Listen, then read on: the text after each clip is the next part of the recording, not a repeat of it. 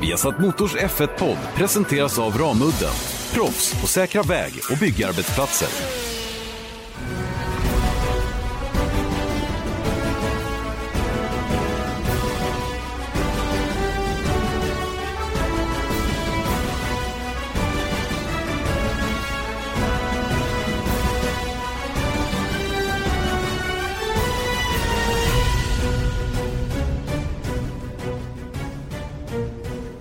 Hjärtligt välkomna till senaste avsnittet av Viasat Motors Formel 1-podd. Janne Blomqvist, Erik Stenborg, redo att eh, sätta tänderna i en ny vecka när vi nu eh, närmar oss F1-premiären med stormsteg. Men ännu lite närmare är faktiskt Indycar-premiären. Och eh, Erik är ju fortfarande kvar borta i Florida och var och besökte St. Petersburg, eller St. Pete, förra veckan då och tittade på eh, hur det går med arbetet att bygga ihop den här banan som man ska köra Indycar-premiären på och kommer fram till att skillnaden mellan F1 och Indycar kommer på löpande band när man såg hur långt de har kommit på banan då två veckor återstår till dess att det är premiär.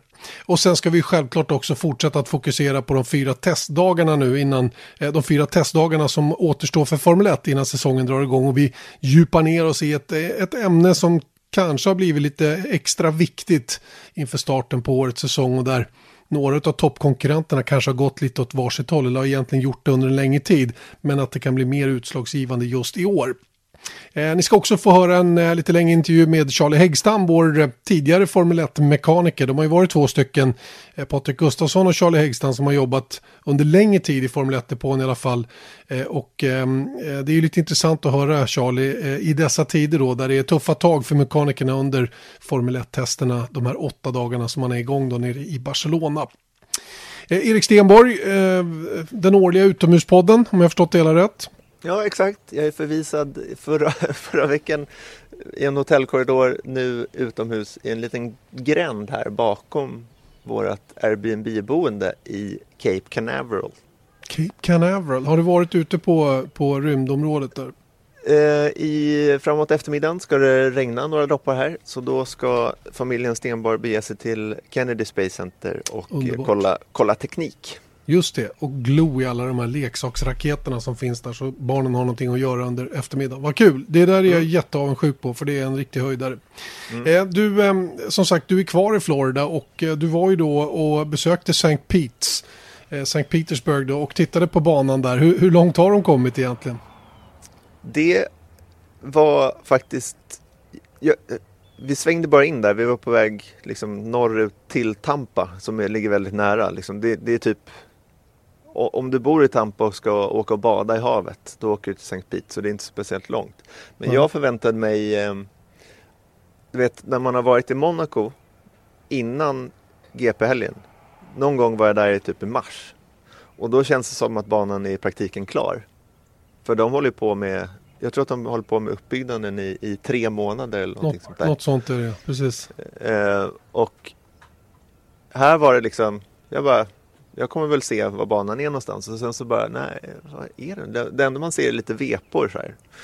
Och sen så helt plötsligt så började jag se några betongsuggor som stod lite, några så här med catchfence på så här. Men det var väldigt så här spretigt allting.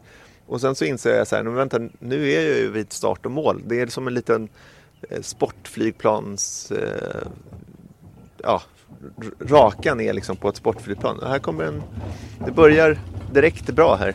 Här kommer en ja. granne med en soptunna. Great for sound. Ja, eh, ja det, alltså start och målrakan är alltså eh, flygrakan för de här sportflygplanen då? Precis, och där mm. står det fullt med flygplan. De har börjat bygga på en läktare. Eh, men det, är liksom, det finns ingen indikation på att det ska bli ett hade man inte vetat om det så hade man inte förstått att det skulle vara en racertävling överhuvudtaget. Mm. Och det här är alltså två veckor innan. Så att jag menar, jag, jag tänker på det där med bansäkerhet och, och liksom alla regler som finns i Formel 1 för att ens få köra en Formel 1-bil. Att det måste vara på en viss standard och sånt där. Här känns det som att, jag menar, de bygger en bra bana. Den kommer vara klar. Det är inte fråga om den saken utan det var bara mer så här det är också lättsamt att bygga en bana i Indycar uppenbarligen. För att det är, liksom, mm. ja, men det är bara att så, så, länge den är klar liksom, och det finns lite hål här och, och flagga och stoppa undan lite bilar och allting sånt där så då löser sig allting. Det, det, var lite roligt då på Kota med alla man pratade med där så sa alla det. Så att du som är på Formel 1, du kommer ju få en chock om du åker på Indycar-banorna när du kommer ut i Road America och de här ställena. Det är ju liksom, det finns ingenting där säger de. Det är bara, det är bara en asfaltslinga typ. Mm. Och sen är allting annat eh, tillfälligt uppställt då, vad det nu än är. Så att det är ju, det är ju stor skillnad om jag förstått det hela rätt, rent generellt. Inte bara i St. Petersburg då, som är ett utav vad är det, fem eller sex stadsrace, stadsbanerace som man kör under säsongen. Då. Mm. Jag såg någon också bild på där Willow Springs i Kalifornien. Det är en sån klassisk eh, bana. Det, det är ju samma, det, det är liksom sandgrop och sen så är det en bana. Mm. Jag menar, nu är inte det en Indycar-bana på det sättet men de testar ju där och liksom, det, det, det är charmigt. Än en gång. Ja, det är lite back to, back to, back to basic på något sätt. Verkligen. All right. Ja, som sagt, två veckor bort eh, till premiären av Indycar som ni alltså ser på Viasat, eh, Viasat Motor och på Viaplay.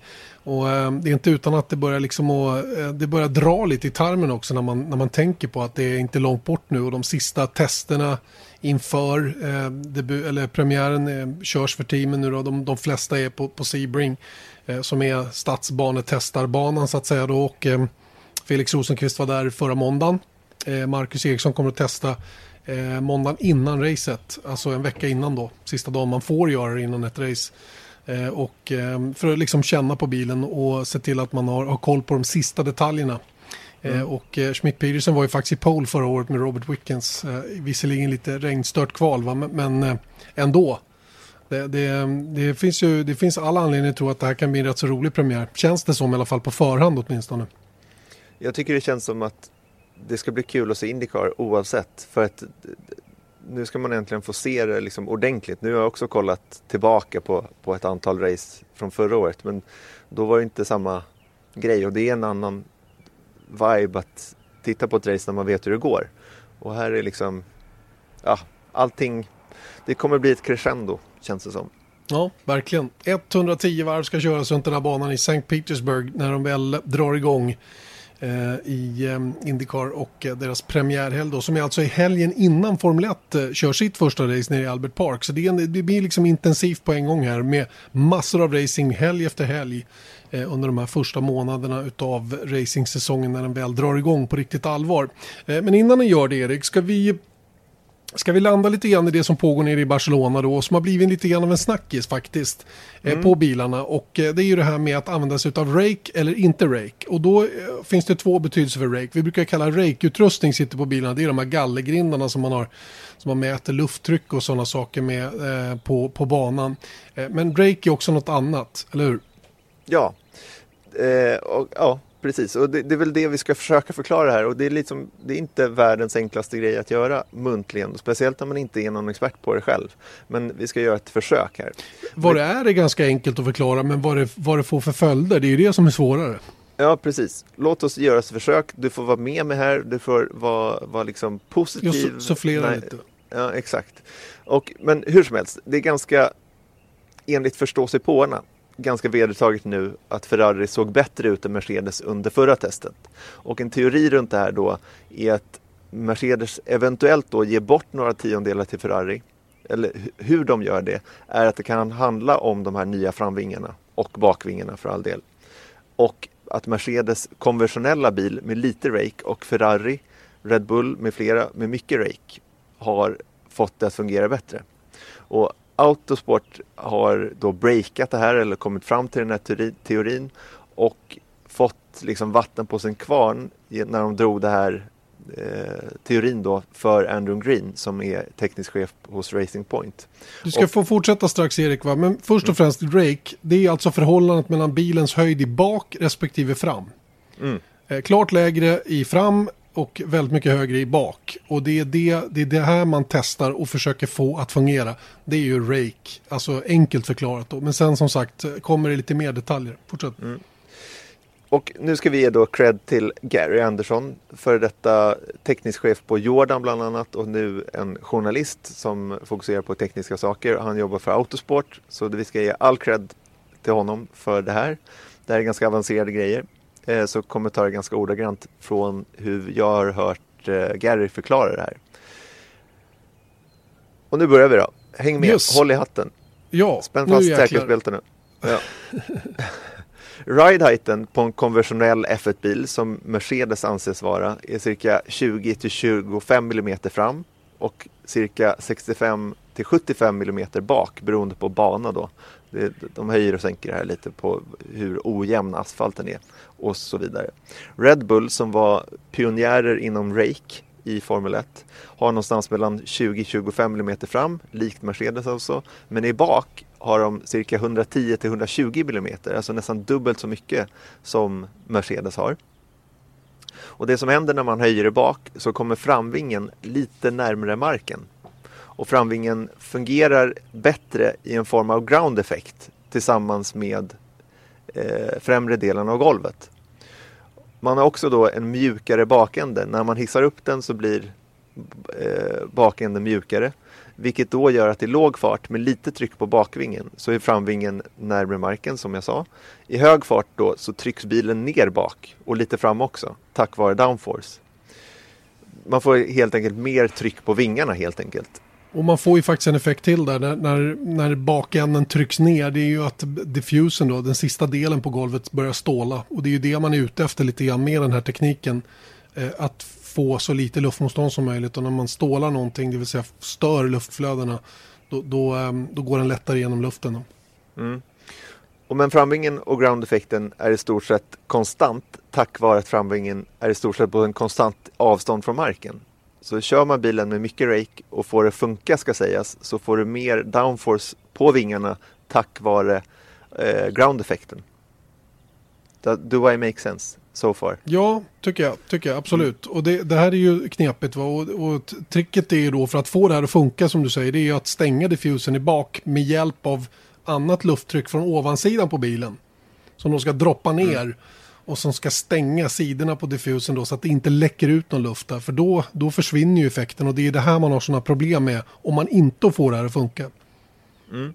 Och jag råder er nu när ni lyssnar på det här att titta på en bild på Mercedes framvinge och Ferraris framvinge och det kommer antagligen bli vår omslagsbild till den här podden. Så då kan ni lätt se skillnaderna på hur de ser ut. Eh, så jag fortsätter. Mercedes kör och har kört sin bil ganska plant sedan åtminstone 2014. Och efter deras framvinge, eftersom deras framvinge då sitter högre måste de i år ha alla sina vingplan rakt framför framhjulen. De måste använda hela liksom, eh, den godkända ytan på framvingen att ha sina eh, vad heter det, flaps Ja, vingplan. Vingplan, precis, vingplan ja. Mm rakt framför framhjulen för att få ut samma downforce-effekt som teamen som inte som kör med rake eh, och däribland Ferrari då inte behöver. Eh, luften som kommer av Mercedes vinge ska då störa ut eh, mycket downforce fram och nedströms. Och det är därför man höll på med alla de här flärparna på framvingen eh, tidigare år då. Alltså de såg helt galna ut. Det var ju liksom så mycket vinklar och, och, och flärpar överallt. Och det var för att skapa outwash, vilket är enkelt förklarat är att styra bort luften från hjulen så att turbulensen liksom inte stör ut framvingen, frams, framdelen av golvet och allt nedströms på bilen. Men Mm. det har man genom reglementet då tagit bort till 20, 2019. Och tittar man då på Ferraris framvinge så droppar den liksom av framför hjulen. Och Sauber har ännu mera extremt i det här läget att de har liksom ingen framvinge, eller de har framvingen, men de har inga vingplan. Flärparna är ju i alla fall betydligt mindre ju längre ut på vingen du kommer. De, de liksom, det droppar ju av ännu mer aggressivt än vad Ferraris gör. Och till viss del även Toro Rosso som jag förstått använder samma koncept någorlunda. Och teorin här då är att det inte ska störas lika mycket av hjulen. Det är kontentan av det hela. Ja, Häng ni med på det där så får ni, eh, då får ni en stjärna. ja det får ni. Nej, men det här är o, oavsett eh, om det, det finns säkert någon aerodynamiskt superkunnig människa som har synpunkter på, på alltihopa det här. Men, men vi är ju långt ifrån några experter och vi har fullt sjå själva att fatta. I enkla drag är det ju så att, att det är inte bara att höja bilen i bak och tro att det här funkar. Det är, annars hade ju Mercedes gjort det. Vi kan väl också komma fram till Erik att det är inte glasklart vilket av de här två koncepten tidigare i alla fall som har varit det bästa. Eftersom Mercedes faktiskt har vunnit kon- konstruktörs-VM varje år sedan 2014 med en plan bil. Mm. Och där Red Bull och till viss del Ferrari då som har ökat sin rake-vinkel mer och mer eh, inte har gjort det. Så mm. att vi kan liksom inte, man kan inte säga att det är rake som är, som är grejen. Utan mm. det kanske till och med är så att en plan bil är grejen. Ja men så är det. Men, men eh, den här teorin då handlar just om det. Att, att Mercedes, ja de har kört sin bilplan och vunnit VM-titlar på löpande band. De har uppenbarligen inte behövt köra med rake. Men med de nya reglerna till i år med eh, mindre avancerad framvinge och en större bakvinge så kanske det skulle vara så att de nu behöver införa rake. Och inser de nu att de måste gå den vägen kan det vara åtminstone då en halv katastrof för det kommer ta tid att få till det eh, där om de ens lyckas göra det under säsong. Andrew, eh, mm. nej vad säger jag, Nick Chester på Renault, han drog eh, eh, bara, bara liksom från höften så skulle det ta åtminstone ett par månader för att få sakerna på bilen. För det man ska, eh, som du sa också, det handlar inte bara om att höja bak och så får man rake, utan när du höjer bak då ändras ju hela attackvinkeln på hela bilen, inklusive golvet. Vilket gör att du måste Visst. egentligen göra om hela konceptet. Exakt så är det och jag vet ju till exempel att Sauber har ju testat det här under, under många år att försökt få bilen att fungera bättre med en höjd bakände men de har aldrig riktigt lyckats. Så fort att de har höjt den kanske 5 mm så har bilen blivit nästan okörbar. Va? Den har blivit alldeles för orolig i bakänden och har inget grepp alls eh, i bak. Och, och då har man fått gå tillbaka. Och det, där, ehm, det, är, det, är en, det är en väldigt, väldigt komplicerad historia om när man, för, för att få hela konceptet att fungera så att säga. Mm. Så att det, där, det ska bli jätte, jätteintressant. Man kan ju tänka sig faktiskt Erik att med en höjd bakända och lite mjukare bakända om det här är att ståla bilen under till är det man är ute efter när det går väldigt fort så kan man ju tänka sig då att när man har den här stora bakvingen vilket man har nu eh, så, så blir ju den ännu mera att den trycker ner bilen i bak. Mm. Och, och då kanske det här blir eh, det, det, här kanske blir sättet att göra bilen helt enkelt för att mm. få max utnyttjande av alltihopa. Säger mm. då denna lekman på det aerodynamiska området. Ja, ja, men visst, men det är det som är det, nu kanske man ska istället vara lite orolig om det här skulle visa sig stämma. Sen så tror jag att liksom Mercedesbilen kommer inte vara dålig för det. Men däremot så kanske det är en förutsättning för att vinna en VM-titel är kanske att de här reglerna har skakat om, trots allt. Som, som vi var liksom lite tveksamma till hur mycket effekt kommer de ha. Okej, okay, men tanken var ju att det skulle göra det lättare att köra om. Ja, men även om det inte har gjort det så har det kanske nu om den här teorin stämmer, åtminstone skakat om fältet. Och det är det som är faran med regeländringar också. Att det kan, kan bli så här. Visst är det så Erik, självklart. Vi får helt enkelt eh, avvakta och se då vad det är som kommer att hända under eh, de här fyra dagarna som återstår av Formel 1-tester. Eh, vet till exempel idag när vi spelar in den här podden så kommer Mercedes till Barcelona med en totalt uppdaterad bil. Det finns inte en, en aerodynamisk pryl på bilen som är orörd. Eh, ny front, nytt golv, nya delar på sidepods och vad det nu än är. Så det är klart att Mercedes inte sitter stilla och den bil som man hade första veckan är ju uppenbart någon form av startpaket och nu kommer de att aggressivt uppdatera den här. Men, men många av delarna som, som man har kört idag, eh, den här tisdagen då när, när vi spelar in podden, eh, är grejer som ska sitta på den i Melbourne. Mm. Så att det ja. blir spännande.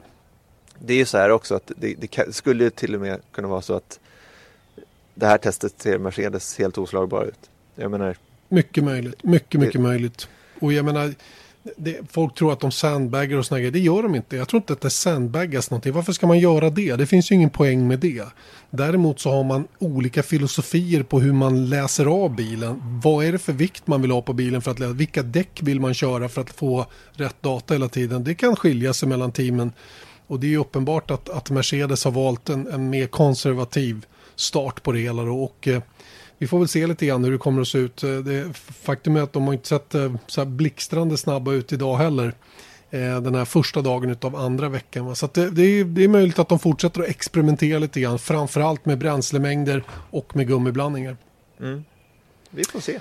Just så. Du, det här med tester är ju intressant annars. Det är ju en tuff period för teamen. Vi hade ju ett team som inte ens fick klart bilen till den första testdagen förra veckan och, och kom inte ut förrän dag tre på eftermiddagen, nämligen Williams. Eh, jag tog och hörde av mig till Charlie Häggstam, vår tidigare Formel 1-mekaniker som inte är kvar i, i Formel 1-depån längre, men som har god insikt i hur, det här, eh, hur, hur, hur, livet är så att säga i ett team under den här intensiva perioden just före och under Formel 1-testerna.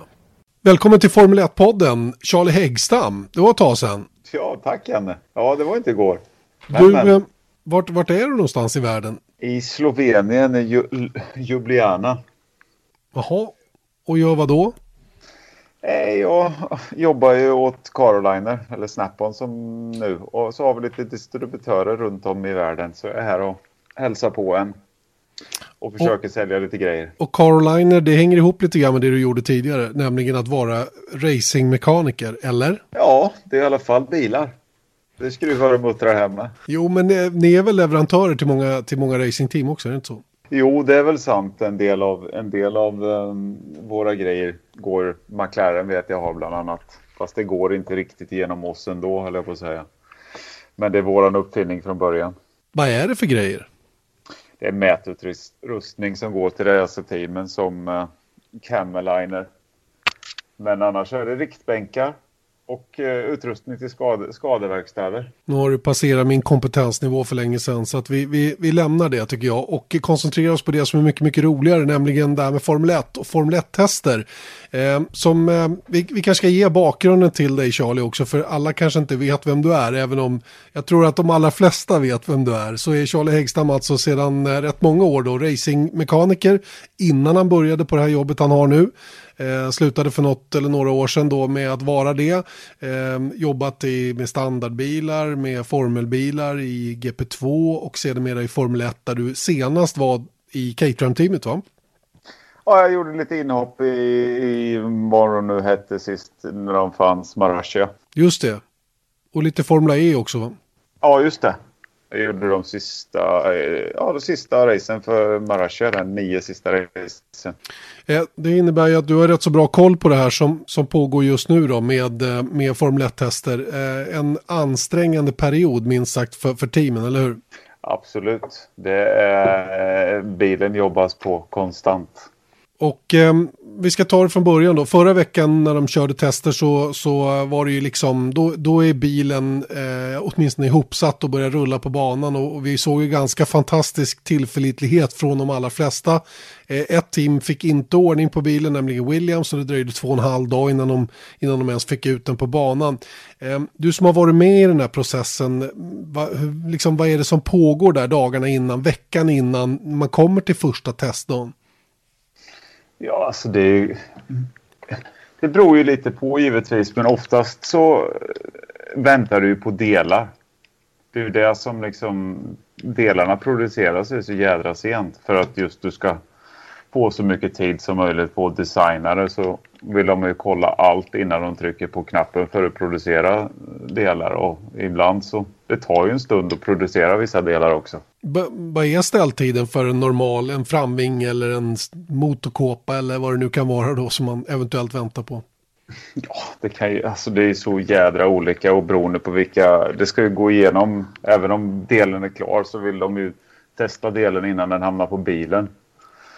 Med dels R&D som ska göra proofload och inspektion och ja, det är rätt så många processer innan den, innan den är klar för att sitta på bilen också. Så det är inte bara produktion utan det är allt runt omkring också som ska ske. Och, och för de allra flesta, om jag har förstått det hela rätt, så är det verkligen på sista minuten eh, med att få fram de sista grejerna och det finns nästan aldrig några reservdelar, åtminstone till en första vecka. Och sen ska man ju då till vecka två helst komma med uppdateringar också. Så man, man kan förstå, Charles, att det är, en, det är en intensiv period, åtminstone hemma i fabriken, givetvis också på banan, men kanske framförallt hemma i fabriken. Ja, det är också absolut. Det är intensivt överallt. Det kommer ju oftast delar hela tiden ner också. Och sen så vill du köra så mycket som möjligt. Och så kommer det nya delar så du har, liksom, bilen jobbas ju på konstant. Det är liksom fingrar på bilen 24-7.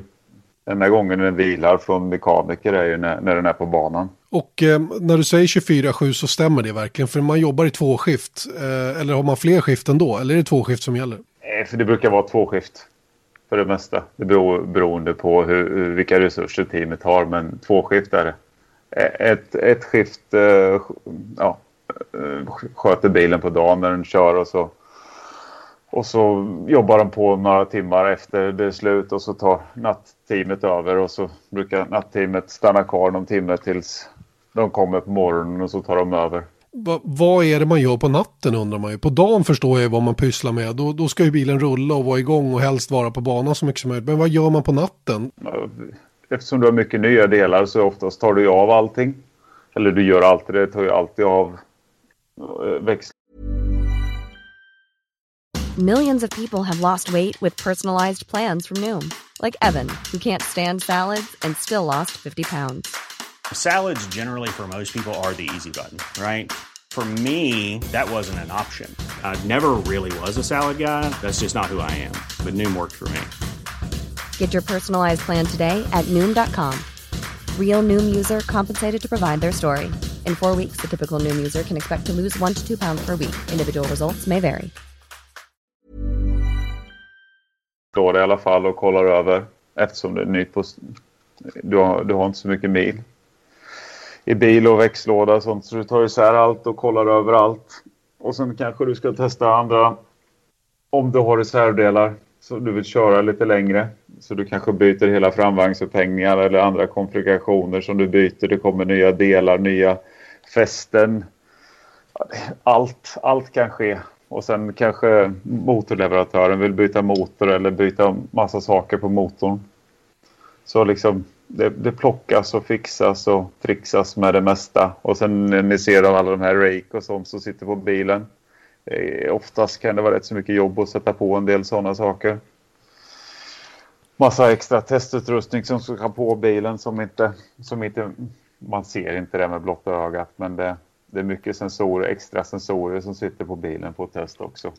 Just det, för att alla de här siffrorna då som man försöker hämta in, de, de kommer ju inte gratis att säga då, utan det, det, det, golven är fullproppade med sensorer och det som vi synligt ser, det, är ju, det förstår man ju de här rake som du pratar om, då, de här stora gallergrindarna som man har på då, det mäter olika lufttryck och, och sånt som aerodynamikavdelningen kan behöva nytta av och det, de behöver inte sitta på bilen speciellt länge med förstått, det räcker med något enstaka varv.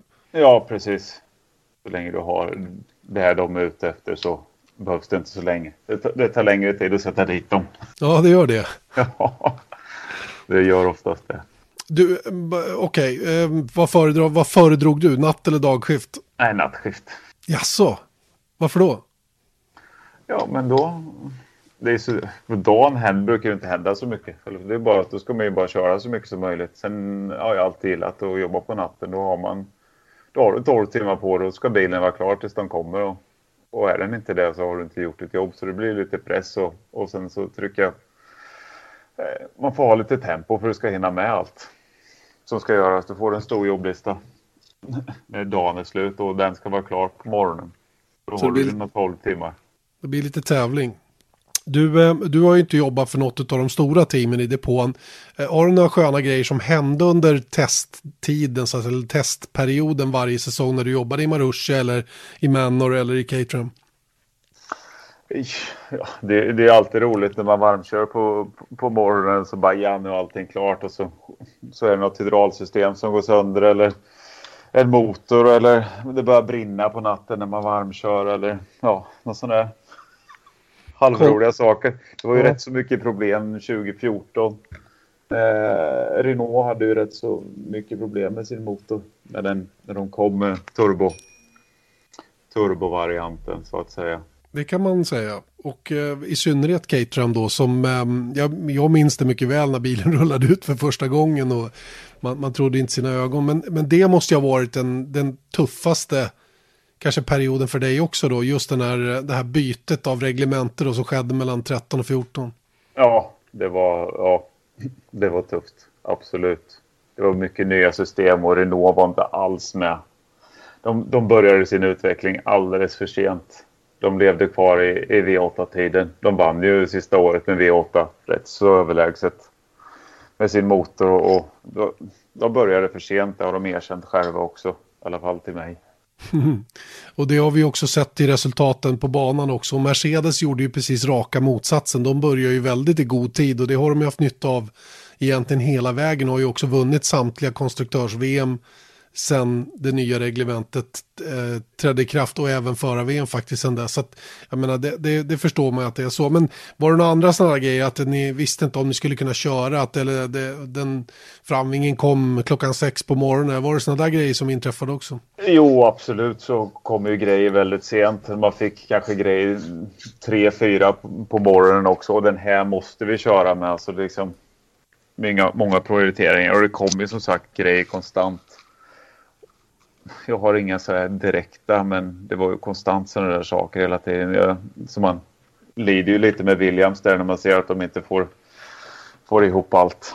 Det är ju lite intressant att du tar dem för att är du förvånad över att de har råkat ut för det de har råkat ut för? För det blir ju ett väldigt rabalder i media om inte annat när ett team missar deadline så att säga och de kommer ut två och en halv. Och två och en halv dag låter ju inte mycket men det blir ju väldigt mycket eftersom testerna inte är så, testdagarna är väldigt få. Ja, precis. Nej, men jag tycker inte alltså jag kan mycket väl förstå att det, att det händer. Inget konstigt så. Men sen är det ju väldigt olyckligt. Sen kan man ju tycka att med de alla resurser som de har så... Men de har väl helt enkelt eh, gjort fel. Eller väntat för länge. Eller så har de gjort om massa saker. Och så då hinner de helt enkelt liksom... Tiden, tiden går ju. Mm. Och det är ju ett, krit, ett kritiskt läge minst sagt att, att um, vad ska jag säga, ta beslutet att nej, vi, vi väntar med att tillverka de här delarna. Man, man får ju en känsla av att de kanske upptäckte att det de hade tänkt köra inte var tillräckligt bra. Och tvingades, och tvingades kanske sätta igång och producera det som var tänkt för vecka två. Eller kanske till och med till Melbourne. För att få på det på bilen direkt. För att ha någon chans att vara med överhuvudtaget i början. Vad, vad, liksom, det, det, jag förstår att du inte kan svara på det. Men, men låter det orimligt? Nej, det gör det ju inte. Men samtidigt så så de har väl inte producerat någonting som hade väl ingenting för då, då kunde de ju satt på något gammalt och bara liksom fått bilen att rulla. Men det måste vara något fundamentalt eh, som de saknar eftersom de inte kunde åka dit och bara rulla ut liksom. Mm. Det måste varit ganska mycket grejer som saknades. Men, vad... Hade det bara varit ett golv eller liksom någonting så hade de ju kunnat fuskat till det så att säga för att få bilen att rulla liksom. Just och det. inte Va gjort en så stor grej av det. Hade det varit värde att rulla en sån bil bara för att testa att motor, växellåda och sådana grejer fungerar även om man inte får resten att fungera kanske till 100 procent? Nej, inte, inte något jättevärde kanske, men det hade väl kanske skönt att slippa all, all media. Det hade sett bättre ut. Ja, det är väl klart det hade gjort det. Ja, det är intressant det här med den här, den här perioden av eh, intensivt arbete och ehm, var, var det här den tuffaste perioden uppfattar du? De här dagarna, den här kanske månaden innan första testen och de här veckorna innan grejerna skickas till, till Melbourne? Mm, äh, både ja och nej. Alltså, det är egentligen det tuffaste är ju egentligen själva testet i sig. Det är att man jobbar konstant hela tiden.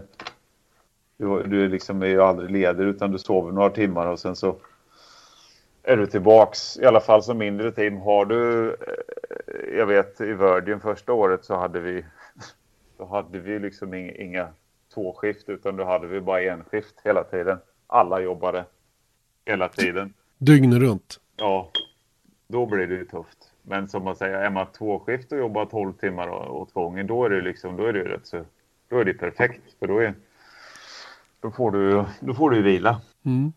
Eh, vad, under en test så här, vad, vad, går att tillverka på banan och vad måste tillverkas hemma i fabriken? Du kan laga mycket som, eh, som kan gå sönder. Golv och sånt går ju sönder som, som går att laga. Så, och break ducts och allt möjligt. Det är klart det går att laga men du kan ju inte tillverka liksom. Du tillverkar ju inga bärarmar i garaget liksom. Nej, det är klart. Det, det, så, så långt jag är med. Va? Men det var väl kanske det jag var inne på. Att, att det går att reparera. Om, ett, om du dundrar av banan, vilket händer. Och du har förmodligen kanske bara ett golv på plats då. Eftersom det är tajt med ställtider och vad man vill göra. Så, så går det att fixa till. Ja, absolut. Mycket kan man laga. Hur lagar man dem? Ja, med, med, med kolfiber och värme och... Och lim. Och, och lim, ja. Längtar du tillbaka? Nej. Inte alls? Jag har gjort det där. Nej. Det är, så det, det, det, det är en rolig tid, absolut. Jag ångrar inte en sekund. Men sen är det ju det är speciellt. Är det, helt Mm. klart. Men sen det är det gemenskapen och, och, och kompisar och sånt som man kan sakna, absolut. Det gör man ju. Om Red Bull ringer imorgon och säger att du, vi har en, vi har en plats här. Första meck på Gaslys bil. Ja, då, får, då, då får det vara många nollor i lönekuvertet. Kanske fler än de är beredda att, att skriva dit. ja, jag tror det. Mm. Ja, men jag förstår. Ja, men det är många som, vi får ju många frågor så här. Hur kommer man in i Formel 1 och hur blir man mekaniker och hela den där grejen. Och om vi ska glida över på det ämnet istället där. Det, det är ju inte så glamoröst kanske som det ser ut. Nej, det, ser, det, det är väl klart att det, det ser väl kanske mycket mer glamoröst ut än vad det är. Du, liksom, du åker världen runt och, och bor på hotell och, och så går du på alla fester eh, efter sen som I alla fall du. man, man ser på media. Men eh, det är inte riktigt så. Nej, men det har man ju förstått. Och jag menar, söndag direkt efter loppet så börjar ju ihoppackningen och sen så ska ni vidare till nä- Alltså det är ju, det är ju verkligen ett, ett hårt arbete. Men om det är någon hugad meck-kille som, som liksom har sådana ambitioner, då, vad, vad skulle du ge för råd? Ja, men det absolut. Alltså, ja, det, är ju, det är ju fränt att vara med. Alltså, utvecklingen är ju på absolut högsta nivå och det är ju saker som du aldrig ser i någon annanstans som händer i Formel 1. Formel 1 kan inte jämföras med någon annan motorsport, så är det bara. Men eh, är du intresserad och, och vill komma dit så, så gäller det ju att ta sig utanför Sveriges gränser fortare än kvickt.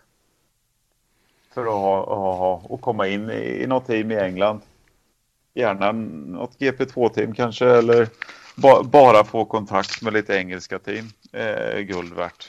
Mm. Det är liksom nummer ett. Och vad krävs för kvalifikationer då? Vad behöver man kunna? Jag menar, hur mycket mecka är det egentligen? Alltså, det- beror ju på vad man får på position. Men alltså är du, är du mekaniskt lagd och hit och dit så, så får du ju börja någonstans.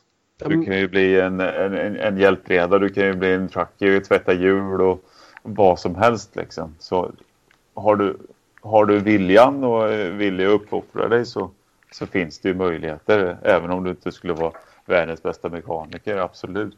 Och, och ja, men vad, vad värdesätter de då? Om, om du går på en, en intervju till exempel, vad, vad frågar de efter? Vad vill, de, vad vill de att du ska kunna så att säga? de vill ju att du ska vara mycket- ja, tekniskt kunnig men framför allt att du kan eh, uppoffra dig och, och liksom köra på. Inställningen måste ju absolut vara rätt och funka i grupp givetvis. Om man ska vara med i ett raceteam så reser du ju liksom ändå en två, 250 dagar om året med samma gäng så du måste ju funka i grupp också. Inget roligt om man, har du varit osams med någon sådär eller känt att den där jäveln kan jag inte gå i närheten av? Nej. Sen kan man ju inte säga att man älskar alla som man har jobbat med. Men det är en ganska hård jargong som man har, som du har hört, som vi har Mm. i garagen. Det, det, det är väl ingen, ingen vanligt kontorslandskapsjargong direkt. All right. Okej, men då har vi fått i alla fall en liten inblick i vad som pågår där nere i Barcelona och som, som drar igång igen då idag när vi kör ut den här podden. har de ju startat om då, fyra dagar kvar. Ehm, finliret pågår mer och mer. Jag var inne på det Charlie innan att tillförlitligheten på bilarna blir ju bara bättre och bättre. De kör 150-160 varv om dagen och jag menar kör man 150 till 170 varv på en dag då är inte bilen i garaget speciellt mycket under en, en åtta timmars period. Eller ja, de kör ju två gånger fyra. Nej, men då, alltså, det brukar ju alltid vara så i slutet på ett reglemente eller när reglementet har varit hyfsat lika ett tag så då har man ju lärt sig alla de här misstagen som, som kan hända. Sen givetvis så utvecklingen går givetvis framåt hela tiden men det blir aldrig de här stora grejerna i alla fall. Okej, vi, vi, vi lämnar dig då nere i Ljubljana, var det så? Nere i Slovakien, hur, hur blev det? Slovakien, Slovenien blir det, ja. Precis. Jag har inte riktigt koll på mina, mina eh, Balkanstater där. Men, eh, men eh, vi, eh, vi är oerhört tacksamma för att du ville vara med och snacka lite grann om, om detta i F1-podden Charlie, så, så hörs vi snart igen. Ja, ha det så bra. Det är kul att höra Charlie Häggstam prata tycker jag, för han är så loj på något sätt. Fast han, han är så grym på det han har gjort i alla fall och sen så är han ändå så här, ja, det är liksom Jag kommer ihåg när vi intervjuade, vi gjorde något reportage med honom på spa när han Mm. var eh, rear end mechanic på Caterham och då var det så här, men känns det som att du har ett eh, väldigt speciellt jobb? Han bara, nej det vet jag inte. Äh, för sig, det är väl bara jag och 19 andra som har det här jobbet så det kanske är, nej, jag vet inte. Du vet sådär. Sån, sån är han, men han är en skön, skön kille. Någonting som jag skulle vilja ta upp där är just det han pratar om med Williams. Att eh, de inte fick ihop det eh, till de första. De missade ut de två första dagarna där i Barcelona förra testet. Och eh, det är ändå lite intressant då om man går på hans tankar runt det att de hade ju kanske kunnat bara få ut bilen för att få, få slut på, på spekulationerna om hur illa det var. Men att de inte fick det Jo. kanske ändå tyder på att det inte var speciellt bra.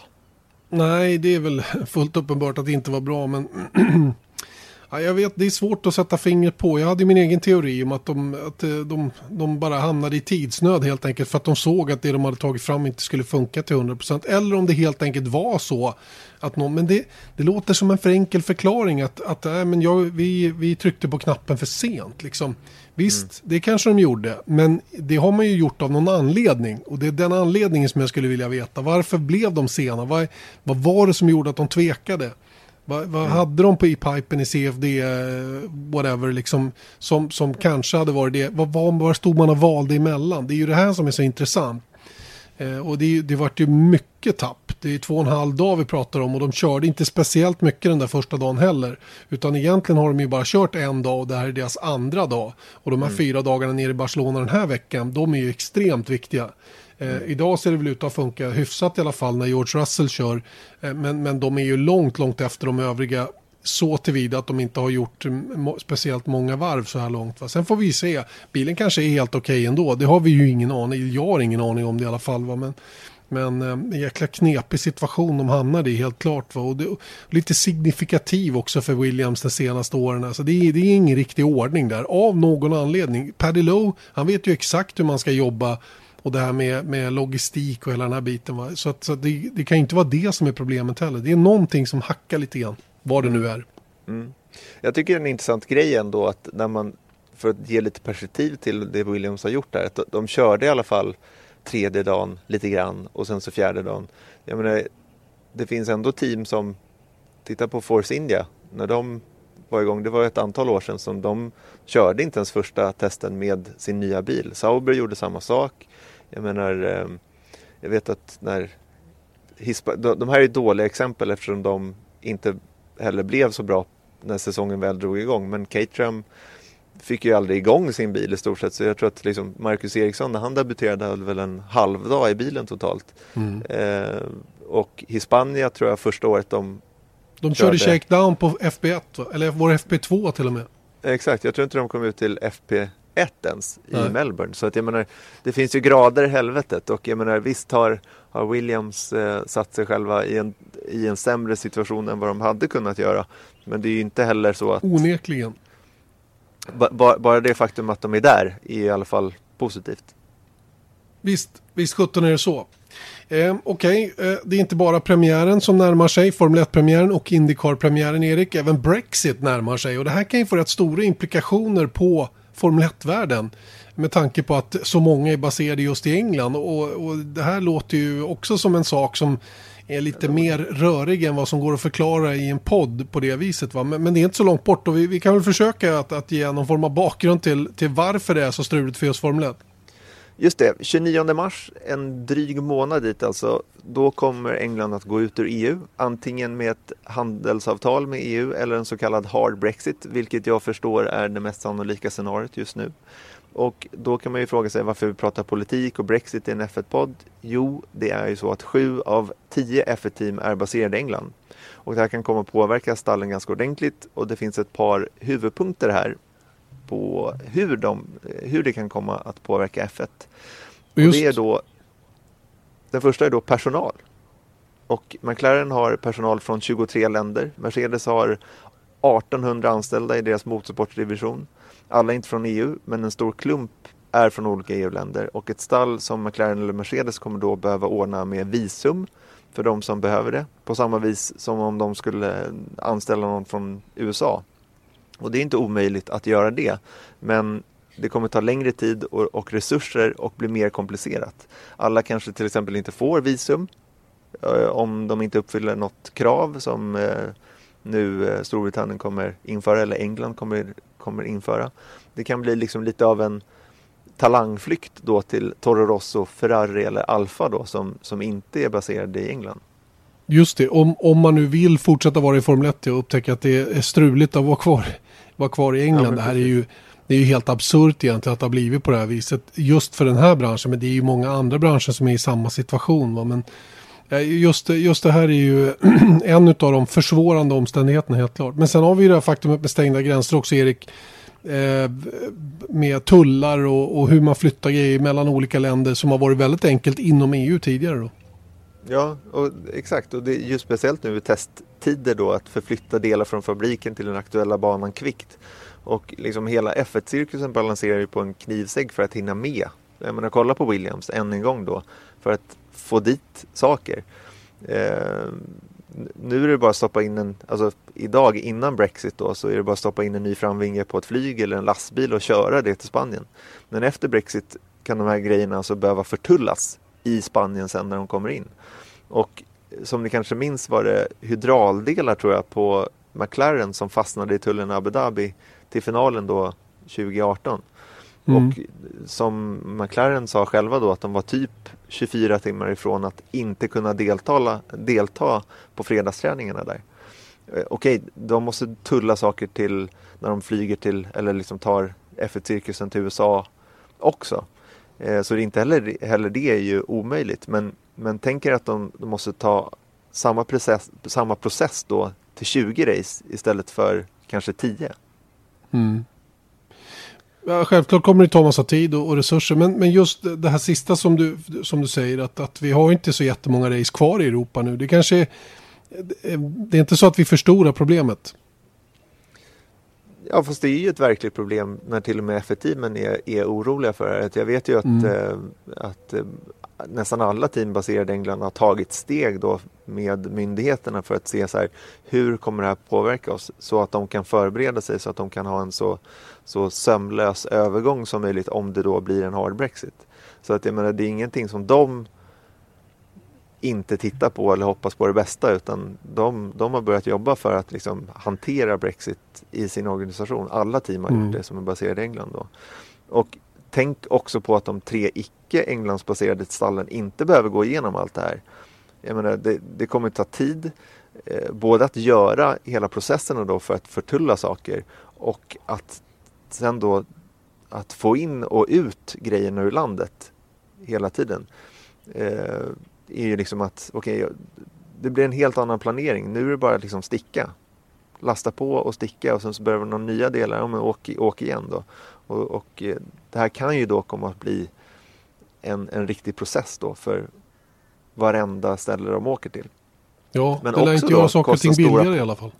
Nej, verkligen inte. Det kan kosta jättestora pengar. Jag menar, vi, alltså vi har satt då, vår produktion, vi skeppar några tiotal kilo till varje tävling. Och det är, en, det är en ganska stor post i vår budget när vi åker utanför EU. Till exempel, eh, jag vet att när vi åker till Abu Dhabi så är det liksom jag menar, det, det, det är många, många tusen kronor för att du... få in våra kamerautrustningar.